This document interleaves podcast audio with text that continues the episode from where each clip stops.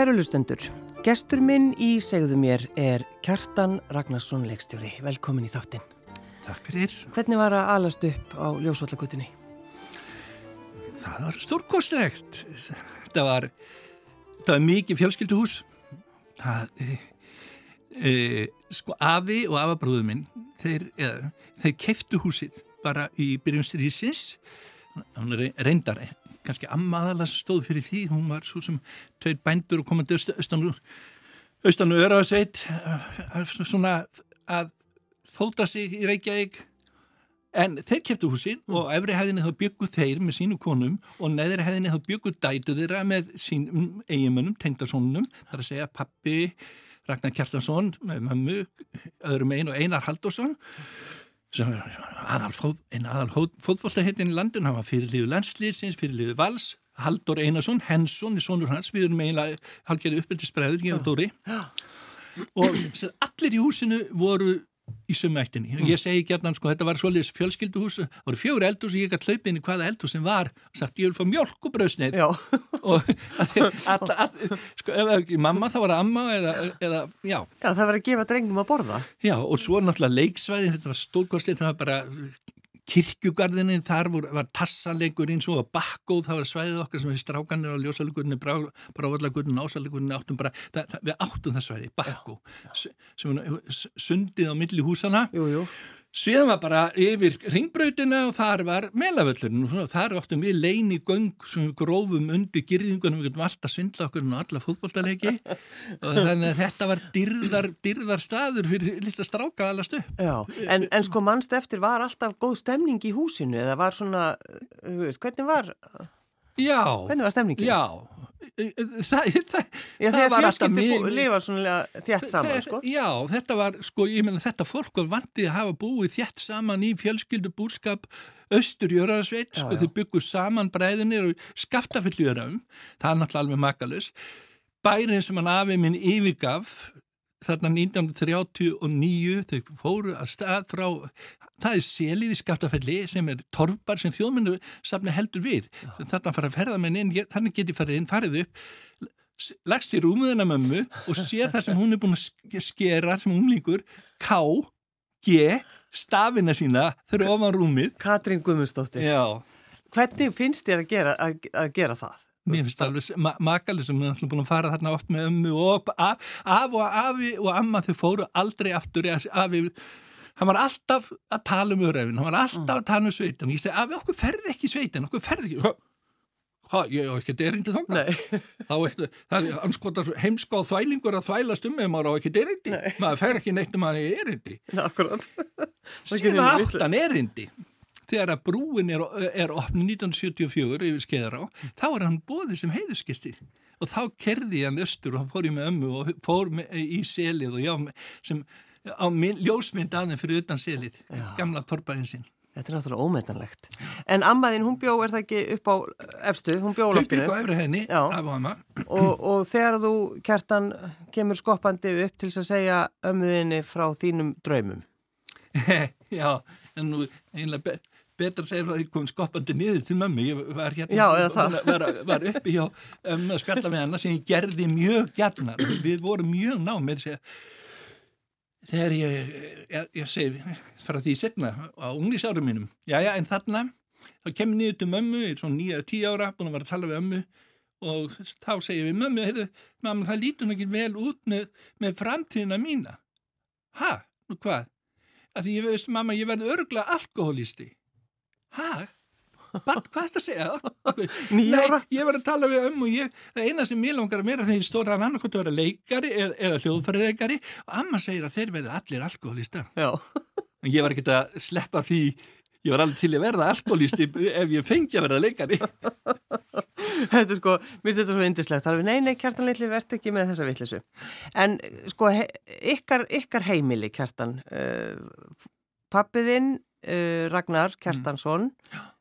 Hann var listamæður Já, eh, hann sko hann, hann, hann 15 ára fyrir að læra að vera keramíker hjá Guðmundi Myrdal. Já.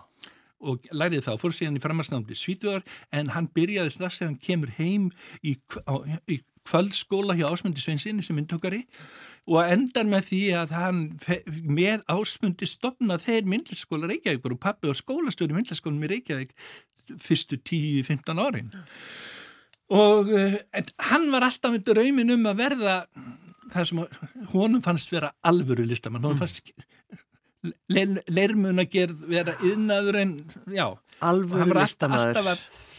og þetta satt í honum þetta endaði með því að hann svona e, já, gafst upp laðist í þunglindi og eiginlega e, vegna þess sjúkdóm sem fer hann út úr fyrirtækinu mamma tekur eiginlega við heimilinu fyrir út að vinna og verður að vinna sem mjög fljótt upp. Og svo magnað sko mamma var búin að vera heimavinnandi alveg frá því að þeir byrja að vera saman hafði unnið í útespankan sem ung stúlka. Og til að byrja með þá var hún svo lítil í sér að hún eina sem hún tristir til að gera það var að fá vinni í hagum við að laga til í hillunum. Já. en bara á einu ári þá var hún bara komin í útespankan og þau með þeirrim ári þá hún fann að sjá með erlend viðskipti. Já sem hún gerði meðan hún var, var í þannig að hún kom og fór á eftirlun En, en, en pappin þú segir það, hann hefði lagst í þunglindi semst þú tala bara í alvöru við, við þetta, sko, hún fannst alltaf hann þetta að sjá fyrir heiminu, við þetta mamma tekur svona við fórustu fyrir heiminu, Já. þá segir hún þú ert frjáls, þú mátt bara vinna við það sem þér hugur sendur til. Og það, þarna verður pappi sko fullkomlega bara myndtökvari. Og, ja, hann vinnur við það, það sem eftir ræðin og við höfum náttúrulega myndlis, myndir eftir hann út um all land. Kontum við nokkur dæmi? Já, he, sjómenn eru í Ísafjörði og kannski eitt flottast að verkið hans pappa er Bárður Snæfisás hlaðinari Ísa Stittan og Arnarsappa eh, sjómas ekkjan í Grindavík Hesturinn á Söðakróki eh, Björgunabáturinn á Siglufyrði mm. Allt þetta já, sem við konnumst við. Já, skó, stóri skólavegurinn á, á, á, á mentarskólum í laugatni. Hestan er fyrir utan, utan umfyrðumistöðun sem er stóðið sem já, já, er hlaupandi þar. Þetta er rastmyndir til pappa. En, en sko mannstu eftir því þegar hann laðist í rúmið eða laðist í, í bara þunglindi? Mann ég eftir því, ég menna hann láðar heilt ár, var hægt, þetta var bara svona eins og, eins og rosaleg hérna Já, þetta var náttúrulega þungu bakki á heimilinu að, að hafa manni þunglindi mm. já. Nöytað svara síma, alltaf taka síman nei, pappi svara, svara ekki síman og... já, já, þetta er bara þetta, þetta er þungur og erfiður sjúkdómur. Já, en, en pappi sagði líka alltaf um mig pappi, kærmið, þú ert alveg jafn manni depressífur og ég. Nema það bara vant alltaf í, í depressjónuna. Þú ert bara alltaf í mannið Það er gott að hafa smá, smá húmor fyrir þessu, en, en varðan kjartan einhvern tíman sko, náðan, náðan sér? Fekk hann einhvern bata? Já, að stestum hluta. Hann, eh, sko, eftir, eftir hann losnar innan gesalappa við fyrirtækið, hann, hún fannst alltaf, það var óskaflega mikið bakki á sér að þurfa að reka fyrirtækið og hafði ekki alveg, alveg sko, hæfilegana í það. Nei. Það var ekki, ekki hans rórill. Frekan ég Það er ekki ég sem er Glandor Sirri, það er hann Sirri. Það er hann Sirri, Kjartan, já, já, ég, ég veit það. en þannig að hann, eh, sko, þegar maður einmitt fær veist, drauminn, veist, þetta var hans draumur að, að Já, fá að meina, skapa. en það, það var alltaf, það var líka alltaf, alltaf margt óskaplega spennand og skemmtild í sambandi við myndlist, þegar hann var með glít, þá var hann með myndlistskólan líka Já. og hæfileika nefnendur í myndlistskólan hann bauð þeim vinnunir í glít og þarna er sko bara það er alveg bara blómin af íslensku myndlistöfnum var að vinna í glít, þarna var Magnús Pálsson þarna var Þorbjörg Höskuls, þarna var Steinun Martens, Dítir Róð var náttúrulega besti vinnur hans pappa á þessum tíma þá var Dítir þekkir engin og engin metur Dítir Róð á Íslandi nema pappi. Já, á þessum tíma. Já, pappi, og hann Dítir var að vinna hjá pappa og, og, og all, listaverkin sem hann Dítir gerði, mm. endalust pop bækunar sem hann var að klifti út og jú, jú, jú. hann gaf pappa þetta saman meðan minna og bílskurinn heima var fullur af listaverkum eftir Dítir. Heyrðu, sem er heimsáður og hva, veistu hvað var það um sín listaverk? Pappi gaf nýlistasafnum þetta allt að það var stofnað Já, ég, ef, ef hann hef ekki gert það þá var væri... ég skemmti snekkju Já, þá verður ekkit eitthvað í þessum hlaupum alltaf En sko, þegar pappinu mamma kynast, Kjartan svona, uh, sko, þá fjölskylduna vildi ekkit að þau myndi giftast? Nei, sko, það, það papp, pappa og mamma þau hittast bara í Reykjavík um fólk. Já. Þau eru alveg alast upp á sikkunastáða landinu. Hún elst upp í Skaftafelli öraðin, þjóðgarðinum sjálfum, sem þá var náttúrulega utan við allt vegna, enga brýr inn í öraðin. Mamma sá bíl í fyrsta skiptið þegar hún var 13 ára. Pappi elst upp á staðastáðu Snæfellsvisi, það er aðeða prestur. Þau hittast á balli í Reykjavík, í, í, í byrjumstýsins en þau náttúrulega vita það strax þegar þau fara að tala saman að þau eru ná skild pappi, pappa og afi, og afi mömmu voru bræður En, en má, má þetta? Gátu, máttu þið Já, giftast? það er bannaðið úr eða sískinabönn en þau voru já, já. af öðrum og þrið Já. Þannig að það var, rey- þú veist, en þeir það var náttúrulega stór hætta að þau myndu eiga, eiga bönn sem er algjörðu vittisingar Já, og hér sittur einn Já.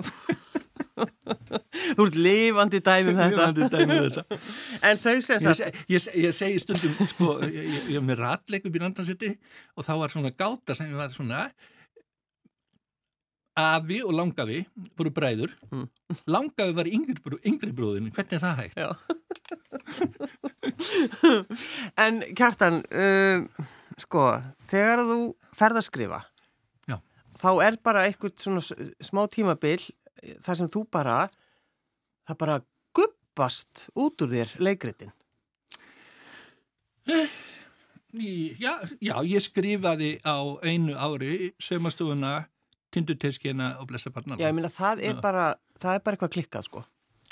Já, ég bara uppveitaði, sögumastofun kom vegna þess að verkefni var að byggja gott verk inn í kvennárið 1975 Já. En þeir var búin að skrifa sögumastofuna og búin að frumsýna hana og hún var þessi söksi sem hún var þá uppveitaði ég var með tilbúið söguþráð í svona glannalega satiru sem var tindateskiðin og líka farsa því ég var búin að vera leika í farsa í þrjú ár stanslust ég var í, í, í hérna flóðskinni Já, alveg rétt. og þegar maður var að leika fljóðskinn þá var ég uh, búin að allt í einu þá uppgötta ég búin að byggja upp sögu þráð fyrir uh, farsa í svipuðum dúr og það er blessa barnan En sko, það er náttúrulega, þú veist, eins og margir vita, sko, saumastofan var bara eitthvað, það var bara eitthvað annað. Þetta var, þetta var vinsalasta leikrit, það var alltaf uppselt.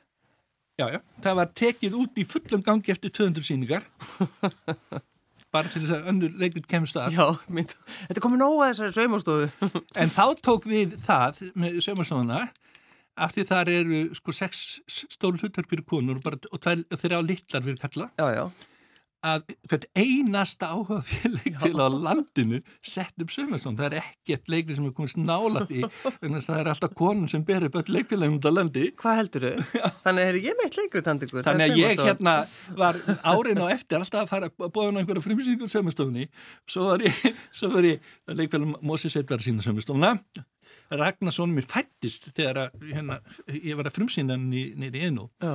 En já, já, þarna er hann um sjö ára og ég er, tek hann alltaf með mér þegar við að horfa á saumastofni svo erum við að horfa á saumastofna og það, það er hlje þannig mjög stendur Ragnar upp stillis upp fyrir fram og segir hátt og skipti fyrir allar salin pappi minn, nú er ég búin að fá leið á þessar saumastof Hæ, sweetheart! Og fyrir ekki við stelpur, ég var dálítið sein fyrir. Ég var nefnilega í lagningu og undan í nutti og ekki nutta rutan með það, ég þól ekki nei. Já, stelpur, hvað segir þið? Kalli, þú ert brjálaður. Þú fórst villist með nafnið, sko, það kallaði þú verið sama. Já, já, hvernig líst ykkur á? Jöfull er dagalug. Ó, Sigga, mín gamla vinkona, ég var tinnað að gefa þér vink. Halló, halló, halló. Hvernig líst þér á þetta? Sem þið getur fundið upp á. Ó, ég ætti við svolítið vandraði með hárið, en þetta er ekki alltaf lagi svona. Og efnið í kjólinn stelpur, efnið í kjólinn er bókstallega slef, þess að betur segja að um það. Kæri sýstir, kæri sýstir, þið kannist við þann tán að skrokkurinn sé skurnin ein. En drottin hans hann gaf til að gleði hlitist af ef við gerum engum mein. Ég lít á allan líkamann sem lítið gróður hús og ábyrð hans sé eigandans ég axta hana fús. Ég hanna vel með hyggindum minn hlýja gróður reyð. Minn aðal fæðir agorgur, svo ekki verð ég feit. Elsku systur, elsku systur, svo að sálinn verði hraust. Líkamsnostur læri þið af mér. Já, ég vitni eðli þitt sem er viðkvæm eins og mitt. Vermdum skrokkin eins og vera ber. Ég sinni líkum sálina í söngtíma ég fer. Í háteginni hálftíma í hugleislu ég er. Ég mæti sund á mótana um miðjanda í nudd. Úr leiði minnum lánættið, ég lemstruð heim er studd.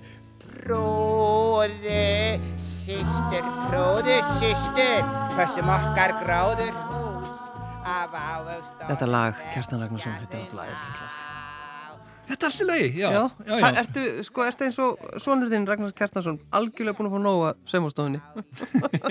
ég get ekki meir. Nei, nei, ég, sko, þetta var hann fyrsta árun og eftir, það var hann búin á hverju ári hjá einhverju leikfælið á landi, Já, já. En það svo er, er, er náttúrulega líður ára og öld sem er stáðan hefur ekki verið sínd, þannig að ég, ég var búin hjá, hjá hérna leikfælaginu Gnúbarrettnum bara fyrir fimm árum síðan. Já, þá var hún Það var ósku gaman að sjá hann áttur. Já, akkurat, já. Þetta er bara eins og gammalt fjölskyldalbum. Já, en þegar þú, sko, þegar þú útskrifast úr leiklistaskóla, Kjartan, þá ert þú bara 21 ás, Já. náttúrulega mjög ungur, og þú fer náttúrulega bara í það að leika börn, er það ekki? Ekki, já, börn er svona, al, uh, ég, ég var alveg að leika í barna leikritum. Barnaleikritum, já. Aðal hlut er ekki í snjókallinu með kupp og stupp, hattur og fattur allt þetta. Já, já ekki Já, að leika börn, heldur bara að þú veist. Já, jú, akkurat. það- sko, þú vi- vísaði það að ég segði ráðan að fyrsta hluturkið sko, á sveðinu inn og það var gl- glæpamaðurinn Babyface í svo gamla kemur í heimsókn eftir dýruma. Já. En, en það var ekki engin tilviljun að, að, að ég leik Babyface. Já, hvað var aftur sem að mammaðinn heyrði einhvern þegar þú varst að leika, varst á sviði? Það var Já, eitthvað... það var, það var þannig að ég var ve, já, vetur 1963-64 þá eru bílanur komað fram. Já. og ég var í, í svona rockljónsveit, einhvern við strákar spila saman, Finnur Tóri Hjölusson eh, Finnur Tóri Stefansson tónskald og gítalegari og ég, við vorum saman í hljónsveit og Sævar sem var hérna bassalegarinn í Pónik og Finnur fór til London og fekk plötana Please Please Me þannig að við pikkuðum upp all bítlalögin og þennan vetum vorum að spila bítlana Já. eiginlega bara já, næstu því undan hljómum sko. Er, við vissum að þeir voru til í, í hérna í, í Keflavík en, en svo er Róman Júlía sett upp og þar er hljómsið þess að Knútur Magnússon sem var hérna einn af hérna, Já, öðlingunum hérna í yndislegur samt alla tónlistina. Ég var spilaði með honum og við vorum svona lítið hljómsveit í, og ég var búin að láta síka svolítið á mig hárið út af bílavesinnu Já, já, þetta en þetta passaði líka vel í- í Róma og Júliu hlýðin á Róma og Júliu þá var mamma frammi og heyrið og tal tvekja kvenna og einhver kona sagði svona hún er óskup geðið þessi stúlkan sem spilar á gítar leiðilegt hvað hún er há. Það var ég Og hvað? passi á Já, og tveir babyface. Babyface. Já. Já, en sko, var sko draumurinn um að leika, var hann alltaf eða, eða hann bara? ég, ég, mér fannst sko ég var algjörlega heillara leikúsið sem barn. Al, alveg bara mér fannst það stórkosta sem ég gerði það var að fá að fara til leikús Mm. og ég fekk það látni mikið vegna þess að ömmusýsti mín hún vann í þjóðleikursinu í fatahengi sem var þá á öllum hæðum í gam- gamla þjóðleikursinu og tengdasonur hennar var sá me me merki og fl- flotti maður Rúri Karalsson Þannig, þú veist, maður mað veit að það er alltaf ykkur, Já, það er eitthvað sem að ítir við manni. alltaf í öllum fjölskyldubúðum. Þá settist ég að Rúrik og sem, hvernig, það var ekki gaman að vera leikari á ekki að vera leikari, hvernig á ég að vera leikari? Þú ert ekki að vera leikari, þú ert að, að fara í business. Rúrik all, allur draumir Rúrik var að gera gott í business Já. Sem hann að, hann gerði, ég held að hann hafa farið á tímabila flýtin síkartu kveikjar eða eitthvað, það var einu business sem hann fór út í já, hann var náttúrulega ég og leikari. gamast aldrei elendur í business Svo ert einmitt, þú, ert, þú hlustar á fólk þó að það komi kannski eitthvað leki inn eitthvað, eitthvað seint. Já. En þá er það að láta drauma sína rætast, þetta, það er þetta. Skipti máli, kjartan. Já, nei, nei, leikursi var eitthvað sem alveg, beit alveg í mig. Í, e, e, sko, leiklisskóli leikfélagsins var svona eftirmyndas og kvöldskóli. Þannig að veturinn eh, 63, þegar ég er búin í landsbróði, þá skrifaði ég mig inn í kennaraskólan og leiklisskólan og var í báðum skólanum þennan vetur, pluss bílaljósitinn og allt það, sko.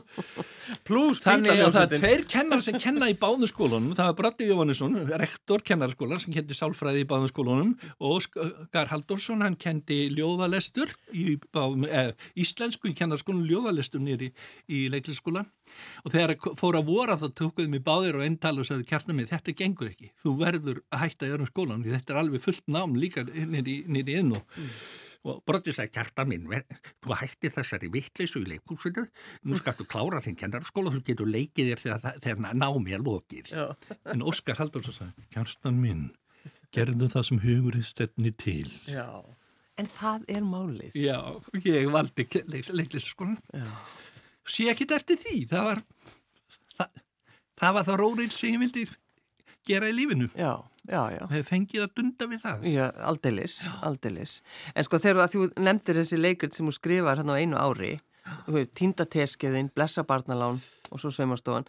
Týnda teskeiðin, var það ekki einhver svona einhver, hvað ekki, einhver sýtlings, eða hvað, hvernig leikrit var það aftur?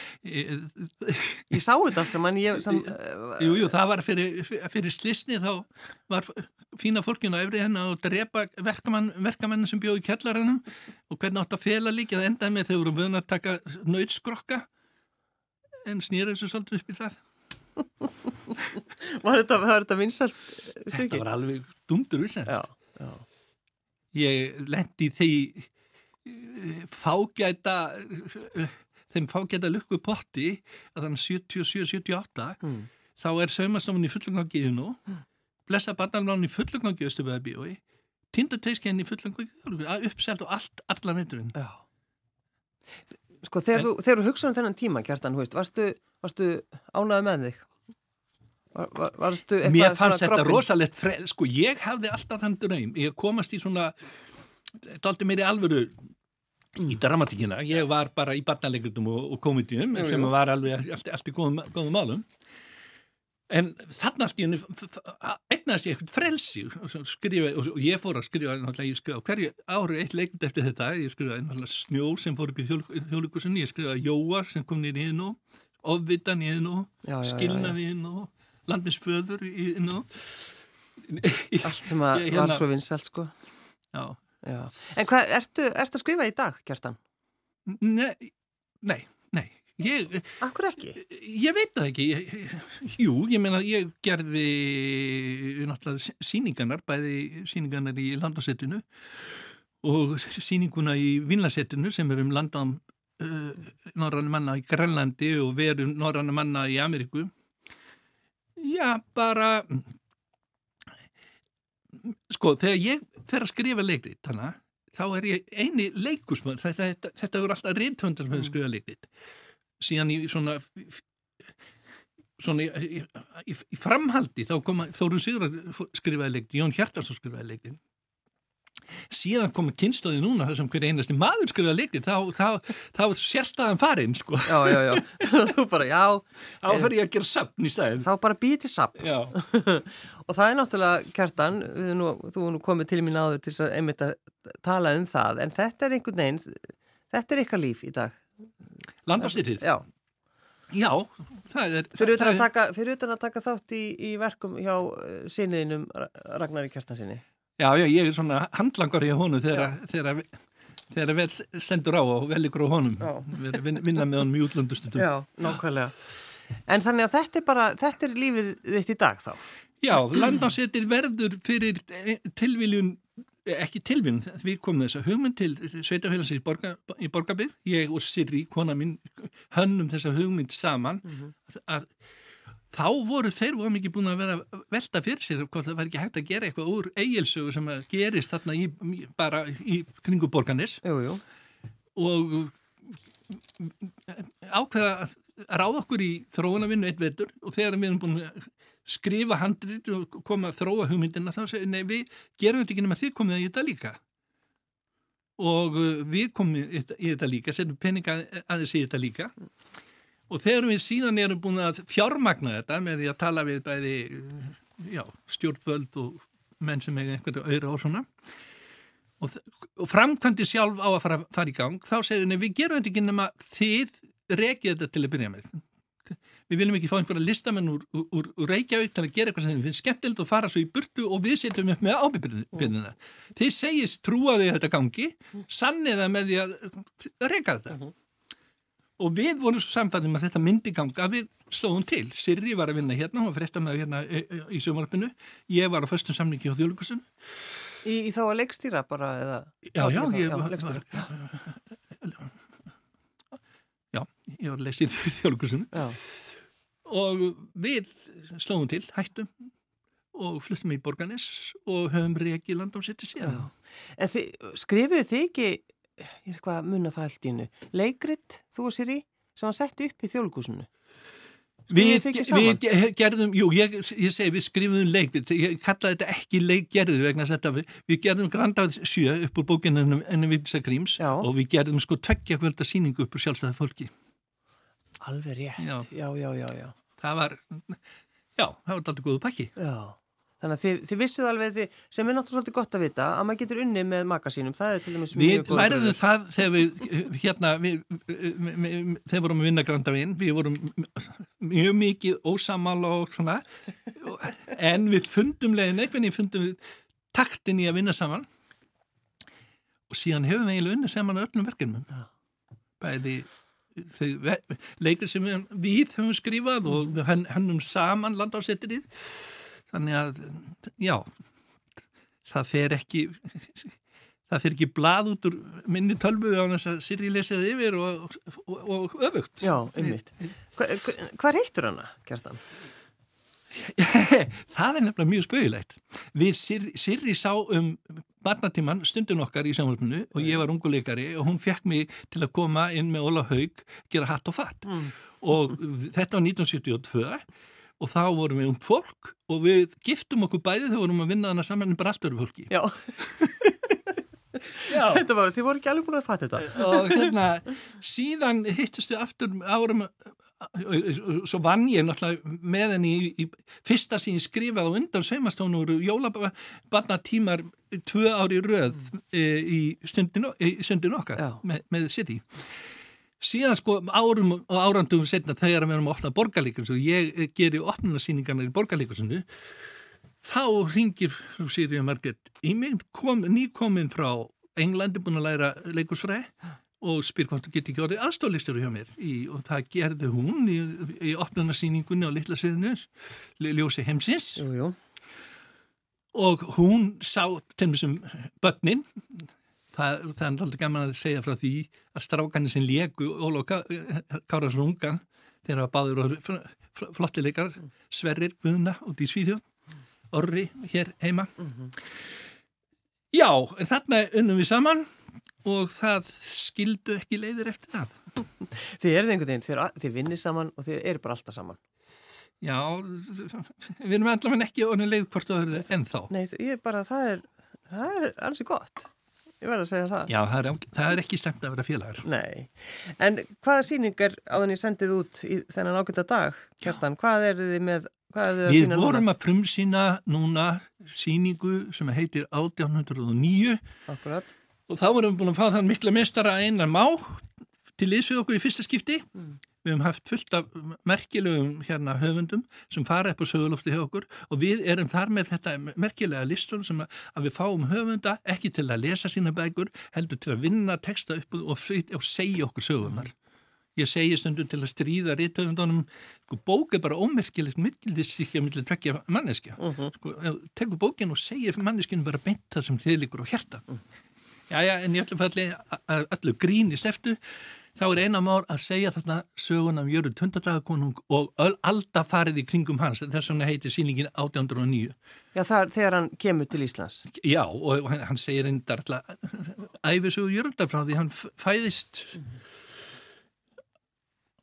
1880, nei 1780 Já, En við höfum alltaf haft svolítið áhuga á Jörundi hundadagur. Já, hann er alltaf alveg geggjuð persóna, þetta er frá Hálgen Munkásin, þetta hann er, hann er, nei það er besta lí, lýsingin á Jörundi er það sem að eina má segja, hann er eins og Forrest Gump, hann er er allstar, hann er, hann, hann segir mér að segja, hann hafði hort upp í tré og vorastunum við Votiló, hann finnur Tasmaníu eiguna fyrir, fyrir sunnan Ástralíu, hann er með í því að finna, finna hana, endar þar sem fangi í fanganindunni, allstar, hann er alltaf að fara í fangelsin, hann vinnur sér alltaf upp, hann fer í fangelsi eftir Íslanda því að hann- hann er halgjörður landarámaður að hafa tekið völdin á Íslandi, nei, nei, þá er hann tekið undir fangelsi og gerður njóstnari, En er þetta, hlýi eða? nei, nei, allt satt. Já, ég veit það sem Já. gerist á Íslandi en þetta Já. með... Nei, var nei, að- nei, það er allt satt á, hann, hann lendi alltaf, hann var, hann var spilafíkill og lendi mjög gæmna því hann var alltaf aftur og aftur í fangelsi og þar skrifaði hann bækur sko, hann-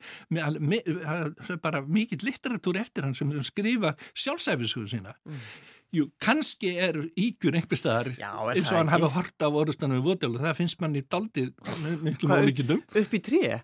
svo segir hann Já. ég, maður svona einhvern veginn, maður hugsa, nei, kannski ekki alveg. Nei, en þetta er, þetta er svona skemmtilega Mm. galins saga og einar fenn alltaf alveg kostulega með hana. En, en það er alveg, þú veist, við höfum, við viljum alveg heyra sögurnar um hann. Okkur finnst þetta svolítið skemmtilegt að Já. hugsa til þess þegar hann kemur til Íslands og, og bara hvað hann gerir. Ég, það er náttúrulega svo, sko, við náttúrulega þekkjum aðalega, við þekkjum aðalega lítið jörun nema bara í gegnum Jónas Arnarsson, bara það er þið munnaðan jörun, Já. la la la la, ari du, ari du á deg. Já. En, en þarna er sko, fer hann onni þess söguna sjálf og hvernig hann var í raun og veru þessi maður, Já. hann einar. Og hann náttúrulega, sko, hann þótti stór hættilegur að, að, að, að, aðals aðlinum í Englandi og í Danmörku vegna þess að hann, hugmyndinni sem hann hafði um hvað hann ætlaði að gera á Íslandi hann ætlaði að segja, hann kallaði þessi aldrei kong hann ætlaði að stofna líðveldi, hann ætlaði að láta, láta alla alþjóði fá atkvæðisrétt. Hann ætlaði að stofna til, til kostninga þetta var algjörlega á móti prinsipum aðalsins og ég náttúrulega alveg stór hættuð framald af hugmyndum fransku byltingarnir sem hafi verið áránum og undan í, í Fraklandi Já, já. Þannig að hann var, hann, hann, hann bjó alltaf við mi, mi, mikla tortrygni yfirsettarinnar eftir þetta. Já, af því hann var bara, hann var bara vildi... Hann var með hugmyndi sem voru algjörlega eins og róttakarn sem hægt var að vera á þeim tíma. Já. Það var, ekki, ekki búið að finna upp kommunisman en, en, en sko hugmyndum líðræði voru, voru stóra byltingin sem kemur frá fran- fransku byltingunni. Já. Þetta er það sem eina má er að flytja á sögulöftinu hjá okkur. En, en Kjartan, ert þú þá, þú veist, ert þú alltaf að leikstýra þínu fólki Nei, sem kemur? nei.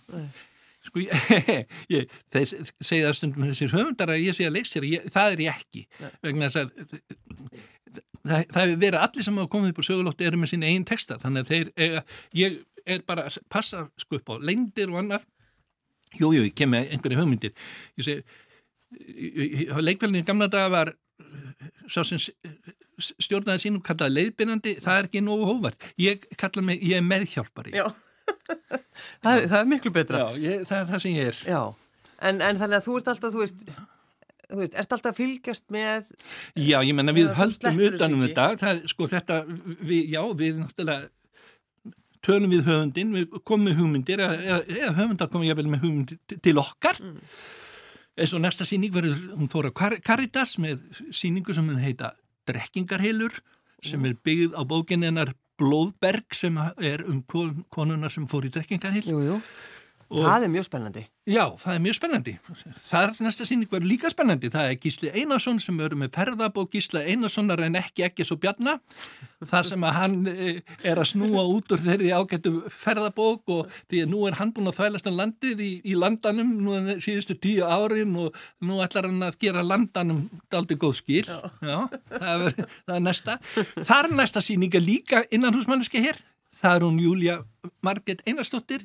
Hún kemur uh, bókina sína Guð leitara Salome. Já, Hún er búin að vera á loftinu hjá okkur. Hún Já. er dóttir að Seinas já, Kárassonar. var ég mann eftir því þegar voru saman já, tvö. já. Já, Og að síðasta verður Einar Kár Kárasson með njálu. já. Þetta er spennandi. Þetta eru, þetta eru höfundandi sem komum på lofti hjá, hjá okkur í vetur. Kjartan, uh, ég baði eitthvað að velja einhverja tónlist, þú varst, uh, þú vilst ekki alveg hvað þú vildir, þannig að ég ákvað að taka að þér uh, þessa kvöð, að hún nefndi bítlana Já. og þessa plötu, þú fegst hann í hendur og allt þetta, ef ekki að hlusta á Please, Please Me, er það Það ekki er bara bara, upphafrað á bílunum. þetta er náttúrulega bara já. Og þetta, þetta var ég að guttla á gítar 1963. Já, með, með síða hárið. Já. Kjartan Ragnarsson leikstjóri, takk fyrir að koma. Takk fyrir mig.